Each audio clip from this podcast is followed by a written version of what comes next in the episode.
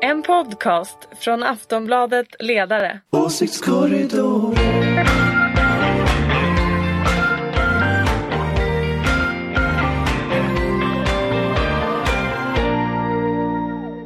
Hej och välkomna!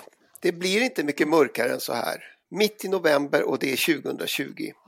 Till och med Youtube har bestämt sig för att inte producera någon årskrönika, eller rewind som de säger.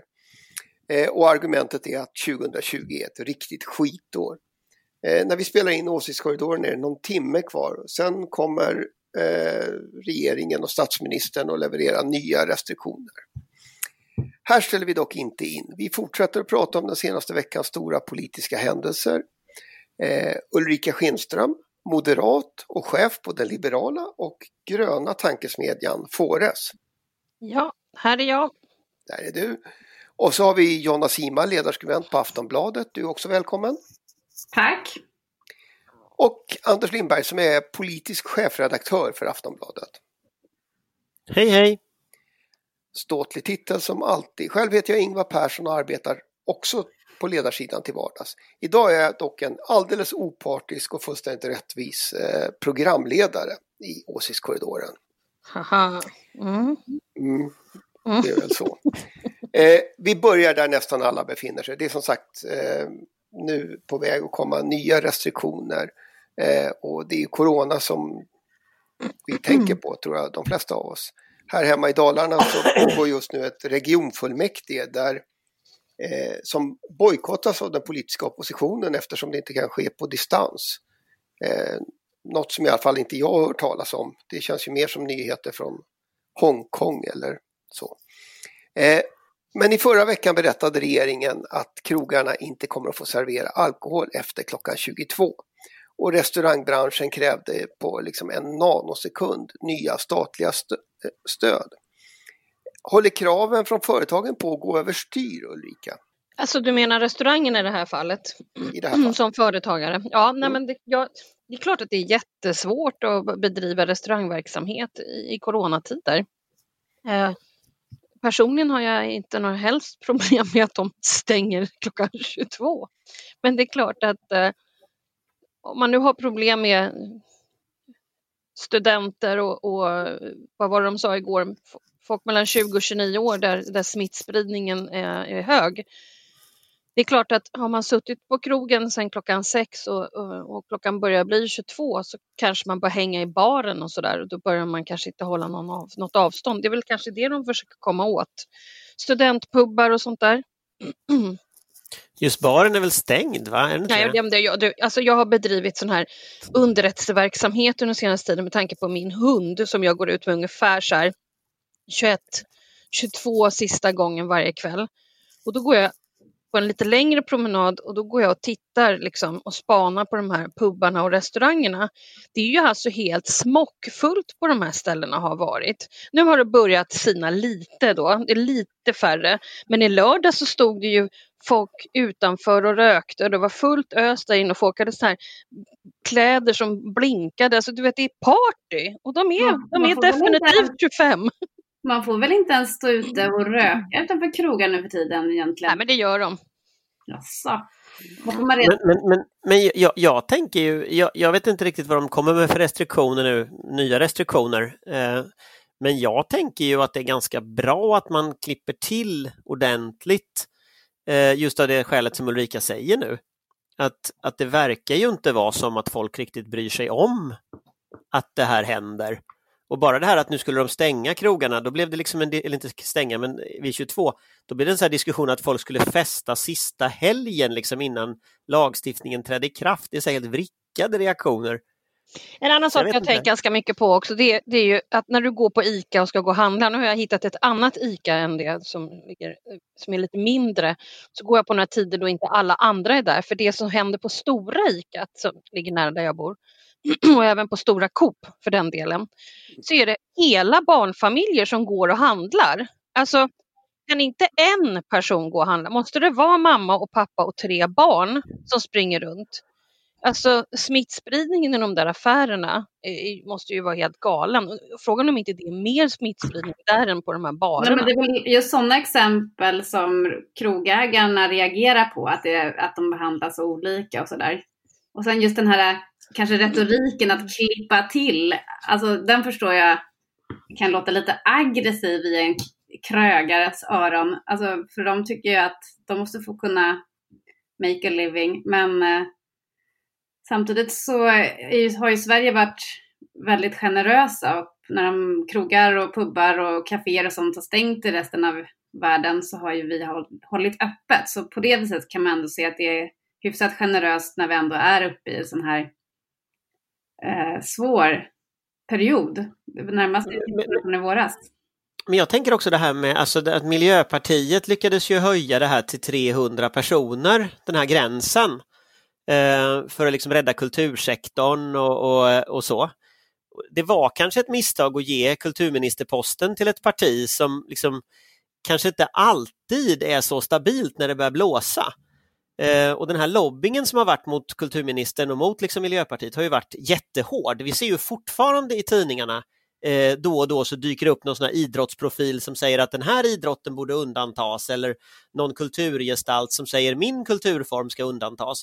Och de klarade ju inte den, det vinddraget.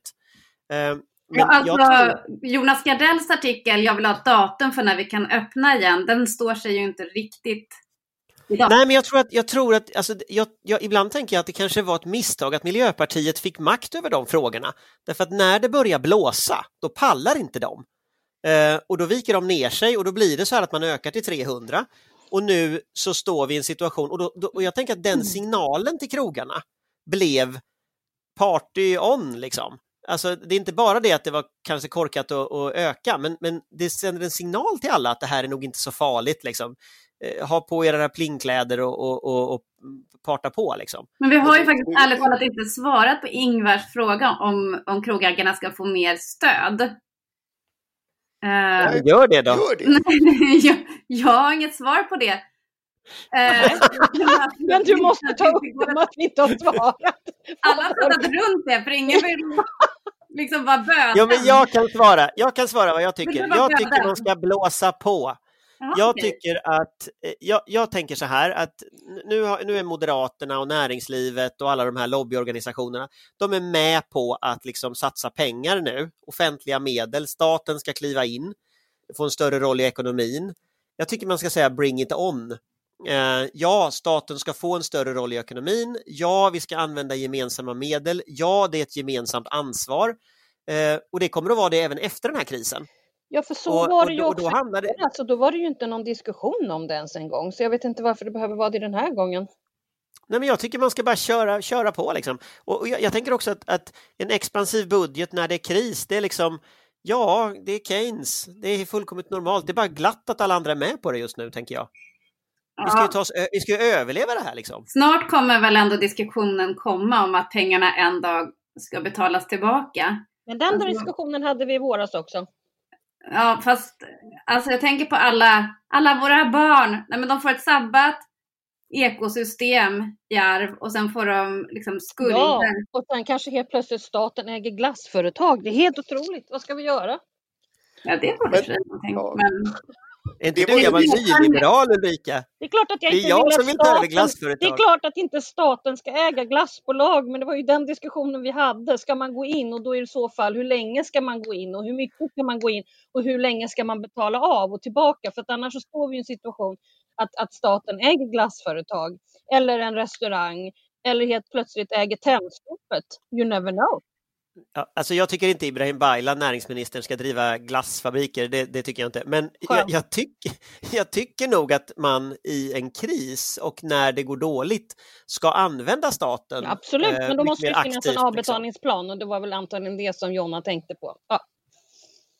Ja. Mm, men just nu, är det, just nu är det ändå fritt fram. Eh, apropå Jonas fråga så kan man väl också säga att eh, i de här länderna där man har stängt ner Eh, så är det väl också så att då går ibland försäkringar och sånt där in.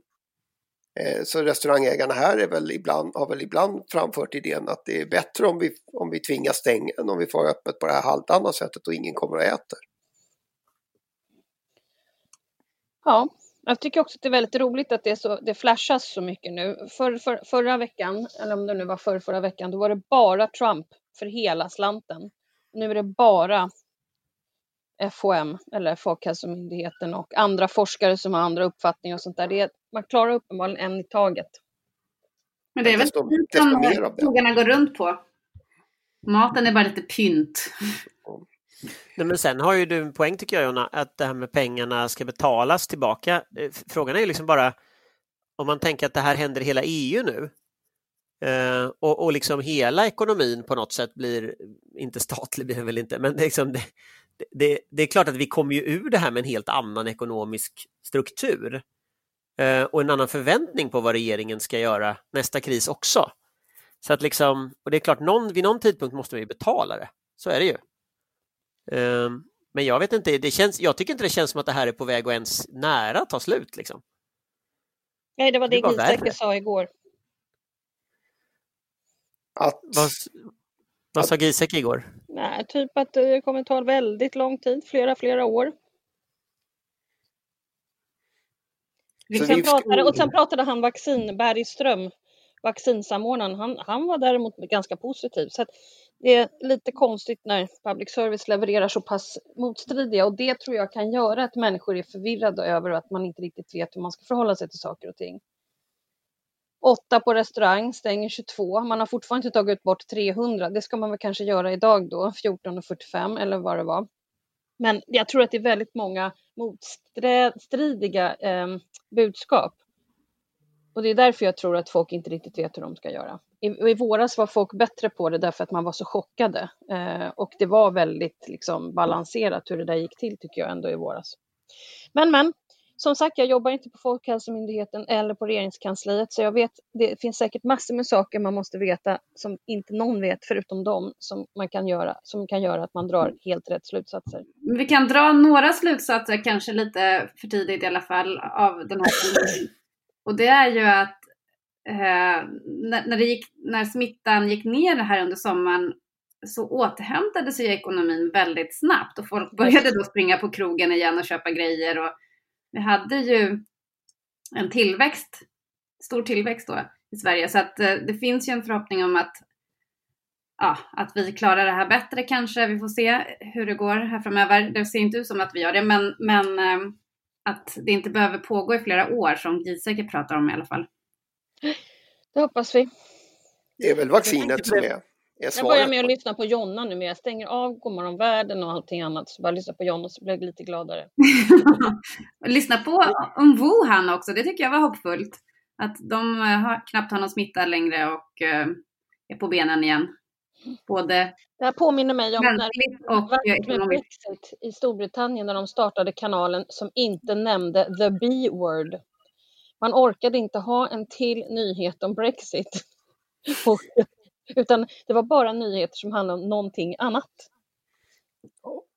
Du tänker att det kunde vara en kommersiell idé här också? Ja, allting, ingenting får handla om the C-word. Ska, vi, ska vi då hoppa vidare ett ögonblick? Fast jag tänkte vi skulle hålla kvar i temat ändå. Eh, en annan nyhet som har med sprit att göra nämligen. Eh, I helgen kom ju plötsligt eh, ett Det var meddelande. en bra övergång. Ja, vilket, är det temat för dagen? Ja, det finns flera. Eh, men i helgen så kom ju en, en, ett eh, meddelande från regeringen att nu ska man minsann utreda gårdsförsäljningen av alkohol.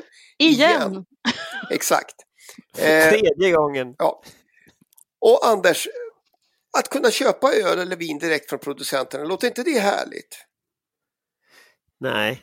Men alltså, hallå, det här handlar ju inte om det. Det här handlar ju om att så fort man gör det så släpper ju EU direktiven loss och då måste ju Sverige börja sälja vin och öl på eh, Coop och på ICA. Så att det är ju det här vad det handlar om. Det är ju att lösa upp alkohol, eh, liksom, vårt spritmonopol. Så det är väl inte så konstigt. Nej, men Det det, är det, dels är det, det, det, det, det är det det här handlar om. Och det är väl Ja, nej, därför men det- Socialdemokraterna fortfarande vill utreda det. Sen skulle ju jag tycka att det var ganska mysigt att åka till någon eh, bonde som gör någon eh, blåbärs eh, portvin med någon speciell god ost så kunde man ta in där och, som sån här agrikultur i, i, i, i, i um, Italien. Det är väl jättetrevligt.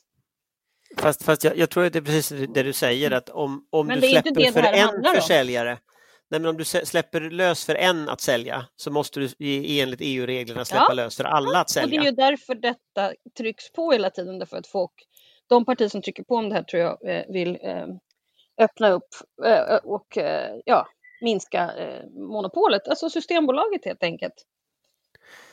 Jo, men jag tänker också att det, de som ligger bakom det här egentligen är nog de här spritlobbyisterna. Alltså att man använder någon gullig liten gård Ja, det- i, i Skåne liksom som, som argument. Men det är väl inte Men bara sen- spritlobbyisterna, det är väl också ICA och alla andra handlare som gärna vill eh, sälja sitt eget vin i affären. ICA-boxen, Hemköpsboxen, Coop-boxen.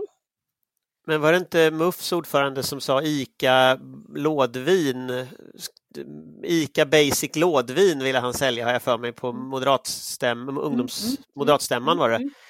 Men det Och, där och är jag tycker det låter väl, helt fasansfullt från alla punkter som finns liksom. Men, men ja, det är nog inte särskilt bra vin Anders, jag håller med om det. nej, och jag tänker också att eh, möjligheten till en restriktiv alkoholpolitik går väl inte helt ihop med det heller.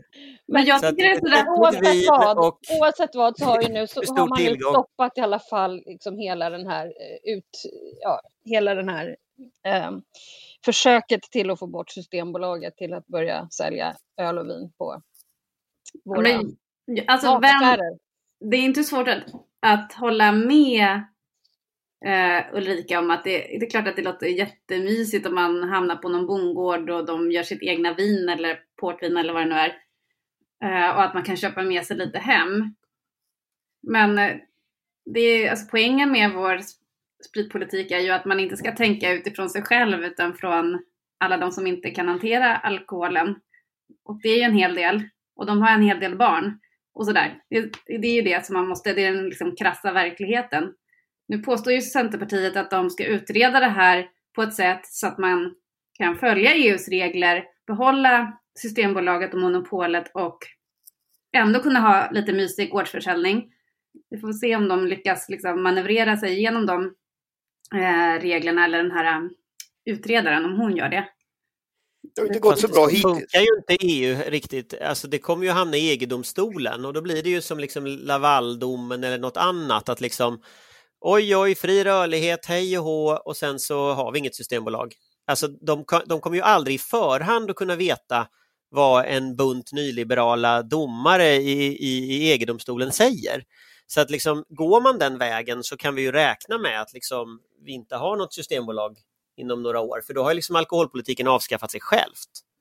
Men om det, är som ni, Eh. om det är som ni säger att det här egentligen handlar om Systembolaget och att det är, är monopolet man är ute efter. Hur kan man då år efter år fortsätta prata om gårdsförsäljning och, och få glada tillrop från LRF och, och så vidare? Därför att jag tror att det handlar om både och. Man vill få igång ett riktigt sånt här agrikultur som, man, man, man kan, som ju är en, en jättetrevligt sätt att semestra. Du bor på en bondgård, eh, du äter pasta därifrån, du, du äter ostar från gården och så tar du ett glas vin från år, eh, eh, liksom bondens vingård. Det är ju urtrevligt. Men Men vad, vad, det, vad, vad det slutar i är ju nästa grej och därför är det ju, så finns det ganska många intressenter i det här. Naturligtvis. Fast jag tänker, jag tänker att, ja, nu, nu kanske jag har fördomar igen om, om ICA Basic lådvin och så, men alltså vad, vad, vad jag, Att du var en sån vinkännare Anders, jag ingen nej men det är jag inte. Men, inte. men, men, men jag, jag, jag tycker på något sätt att det låter som en massa svepskäl alltihopa. Eh, Jag tycker det låter misstänkt likt svepskäl, eh, just eftersom det finns sådana enormt starka ekonomiska intressen i andra änden. Och det kanske är så att det finns agrikultur, jag vet inte liksom vilken Ja, men alltså, potential har du varit på sådana där bondgårdar? Det är supertrevligt. Jag kan inte säga riktigt att jag har varit på sådana bondgårdar Jag heller. tycker du ska testa det när, när det öppnar upp igen. Åk till Italien och åk på bondgårdar och ät god mat och bo på gården och sådär. Supertrevligt. Ja, men, Ja, men hur många människor kan vara kopplade till den typen av turism Eh, det, det låter Nej, men liksom... inte kunna Jag fattar Italien det? fattar jag ju, men liksom... Ja. Det är ju supersmidigt att eh, även om du är på en liten obskyr vingård i, i Italien, att sen komma hem, gå in på Systembolagets hemsida, beställa hem den. Du kan till och med få den hemlevererad om du inte bor uppe i Tjotahejti. Alltså så att, så att det argumentet går ju Nu att... pratade jag med my- mysighetsargumentet här och sen finns det säkert finns det ju väldigt många andra intressen i det här som jag inledde med. Så att det är inte så att jag, jag säger inte emot, men det finns ju människor som tycker att det är trevligt att semestra. Det gör inte vi. Så Sen- sen- det, liksom, sen kan det man finns väl- två argument där. Det är ett mysighetsskäl som jag tror att väldigt många tycker är trevligt på riktigt. Och sen finns det då andra intressen här som vill få bort ett monopol. Men det finns också intressen som vill börja lära sälja vin i sina affärer. Det är liksom många som är inne i den här soppan. Och just Ja. för trevlighetsfaktorn får man väl ändå, Men ändå nu, nu säga... är det ju ändå lagt i en utredning. Så det är Ja. ingenting som kommer hända här. Så att det är ju liksom det är en utredning, igen. igen. Men, men, men vad händer? Jag, jag, jag, jag gillar att semestra. Jag tycker om att flyga till Sydeuropa. Det är min, Det har min jag förstått. favoritverksamhet när jag är ledig. Men, men när, när jag gör det så är liksom, jag vet inte, för mig så är inte det där en viktig del. Eh, så. Det är mycket möjligt att det är det för vissa och det är möjligt att det finns en marknad. Men då får man ju väga det intresset mot det allmänintresset som alkoholpolitiken har. Mm. Och det var Eh. självklart, men de, jag tror inte de kanske inte pratar så mycket med varandra. Nej, men frågan är ju vad den där utredningen gör till slut. Om hon nu ska liksom trixa sig igenom EG-lagstiftningen då eh, och så ska hon komma med något förslag. Men när ska utredningen vara klar? Nästa december. Ja, men då är ju ingenting klart före valet i alla fall, så det är ju en icke-fråga. Den är ju nu lagd i byrålådan och sen så... Vadå? Nästa december? 2001? Nej, 2001, Ja, 2021.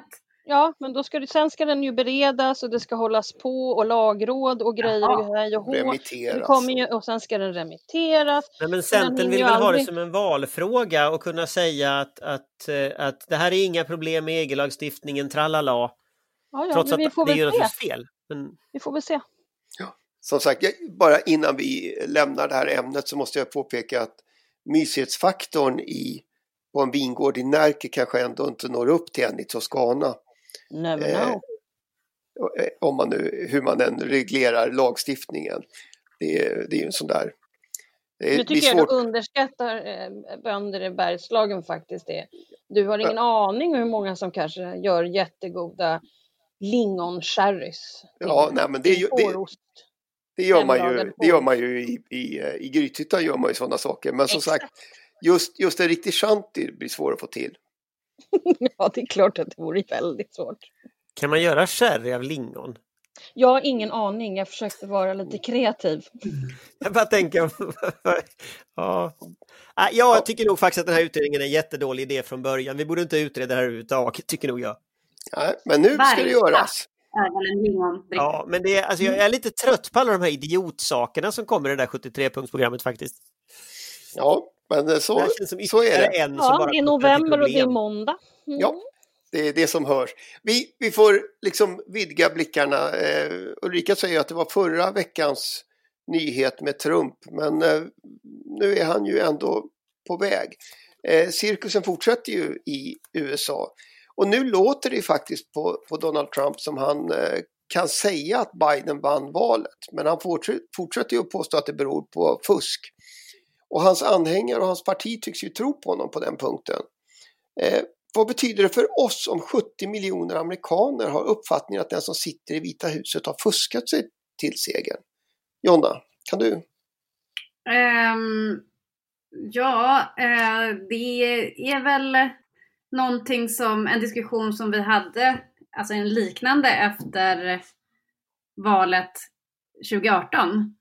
Att, ja men till exempel att Sverigedemokraterna fick 17 procent. Ja men eh, det var så många så, så då borde man liksom per automatik lyssna på de väljarna. Eh, men eh, parlamentarismen gör ju att, ja, ni vet ju hur den går till, att det gäller att skapa en majoritet.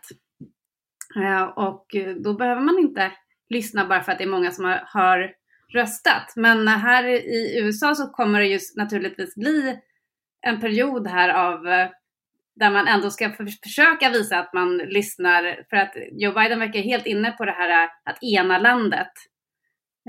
Och att visa att han sträcker ut en hand och så vidare. För att de har ju ett stort läkningsarbete framför sig. Så jag, jag tror att där på ett annat sätt måste man ändå visa att man har sett att halva befolkningen som har gått och röstat eh, blir lyssnade till på något sätt.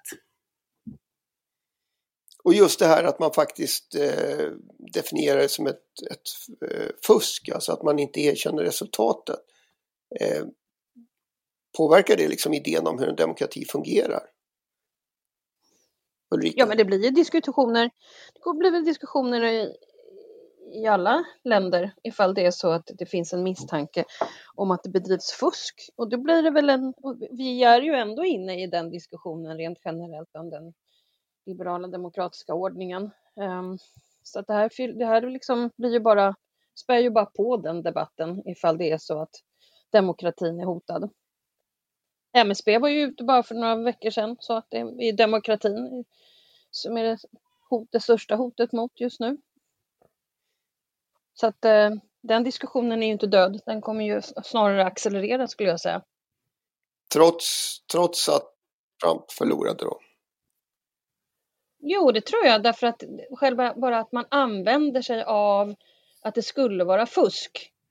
Vi hade inte reagerat ifall vi hade hört att det hade bedrivits fusk i Ryssland. Men när det börjar bedrivas, sägs det, fusk i USA, då blir det liksom lite svajigare. Och när halva befolkningen nästan tror det. Anders?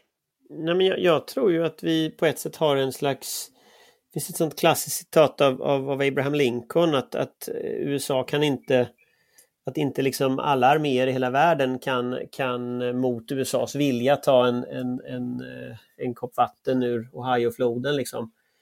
Eh, men, men grejen är ju den någonstans att landet kan förstöra sig självt. Och det finns ju den kraften i USA. Eh, det har vi ju sett liksom under inbördeskriget, vi har sett det under de här stora protesterna under 60-talet. Vi ser ju delvis samma mekanismer fortfarande. Att rasismen är en grundläggande kraft i det amerikanska samhället. Eh, och nu ska man göra upp med den en gång till och har gjort under flera år och det har skapat en enorm motreaktion från de här Trump-grupperna som förlorar, förlorar en, en, en, ett företräde och en, en ställning. Och det är klart att det är en existentiell fråga för USA. Eh, och jag menar, man ska inte underskatta det att vad Trump säger har ju också en rasistisk underton. Eh, att det är riggat därför att de som har röstat inte är liksom riktiga amerikaner. Och han sa ju det efter förra valet att det var illegala invandrare. Eh, och nu har han ju då, håller han ju på sig och undergräver det med samma typ av argument. Och det kan man ju se också på gatorna i USA, hur, vilka grupper det nu är som står mot varandra. Att det här har ju, jag tror, en enorm farlig potential. Och det spelar helt, du sa Ryssland där, det spelar helt efter Putins regelbok. Det är så här som Putin och den liksom sättet Östeuropa, den här mixen av korruption, nationalism, eh, populism eh, som, som, som Putin har använt, som Orban använder, som liksom den typen av ledare har, som, som nu finns i ett västland på ett väldigt tydligt sätt. Jag är inte ett dugg förvånad att Trump inte vill avgå. Den här typen av partier gör inte det. SD skulle inte heller avgå frivilligt om de fick makten i Sverige. Lika lite som Viktor Orban kommer avgå frivilligt. Eh, nu tror jag inte Trump klarar av sitt försök till statskupp, utan jag tror att han får däng av institutionerna. Men, men jag menar, det, det, betyder inte att han inte får däng, att han klarar det nästa gång. Alltså jag, jag, tror så här, vi har fått fyra års respit nu. Exakt. Om fyra år kommer den här skiten tillbaks igen i någon mm. form. Och det betyder att vi tills dess måste ha byggt upp både liksom säkerhetspolitiskt, eh, inom EU, alltså vi måste hitta vår lilla hörn av världen och skydda den på något sätt. Ekonomiskt och militärt och på alla sätt. Därför att om fyra år så kommer Trump igen och då ryker NATO, och då ryker liksom det internationella handelssystemet. Eh, det är ändå 73 miljoner amerikaner som de flesta av dem kommer att leva om fyra år och kommer att rösta. Liksom. Och det kommer att komma nya som kommer att bli besvikna på Biden. Så att, nej, jag, tror vi, jag, tror det, jag tror det är extremt illa, detta. Ja, jag håller helt med om det. Och är det så att inte någon tar tag i det här under de här fyra åren så är det totalt... Det, det ja. Men, men jag tror liksom, att det handlar inte bara om rasism utan det handlar ju liksom om det här med, eh, ja, med etablissemangstänket mot eliten och sådär eh, som han har varit duktig på att fånga upp Trump. Och där måste ju Demokraterna, vad jag menar med att lyssna är att ja, men, eh, satsa på att människor får en lön de kan leva på, alltså så här, jobb som är som de kan försörja sin familj på. Alltså, det tror jag är den enda långsiktiga strategin och som gör att man kan undvika det här om fyra år är att, att man lyckas få människor i jobb och till jobb som också betalar bättre än de här 70 kronorna i timmen som en del tvingas leva på. Eh, och opiatepidemin, alltså de har ju något fruktansvärda problem med droger Eh, och en enorm dödlighet. Eh, så att lyckas man med det, och de har ju många intressanta idéer, den här klimatomställningen som är eh, väldigt in, ja, omfattande och eh, intressant. Där kan det, det kan ju verkligen, vi, vi, märker hur mycket som har hänt under fyra år under Trump. Och nu har vi fyra år till på oss och mycket kan förändras. Förhoppningsvis så går den här domedagsstämningen att, att vända lite grann. Jonna, du är liksom den som eh, håller hoppet uppe här i ja. alla möjliga frågor. Det är ju, det är eh, utmärkt. Om jag hade varit tillräckligt litterär så hade jag kunnat eh, hänvisa till den här uh, Icon Did, ni vet han som är så pangloss. Nej! Är det inte han? Ja, och det är en ganska bra hänvisning på många sätt med tanke på hur det går där. men, men, eh, nej men alltså jag... jag Anders, jag, jag, tror faktiskt att vi får göra så att vi avslutar det här programmet innan du gräver ner oss en gång till i den här ja. djupa novembermörkret. Eh, jag får tacka, vi lär komma tillbaka både till Corona, kanske till spriten och definitivt till Trump eh, i nästa eller nästnästa Åsiktskorridoren. Eh, tack så mycket Ulrika, Jonna och Anders. och tack alla ni som har lyssnat.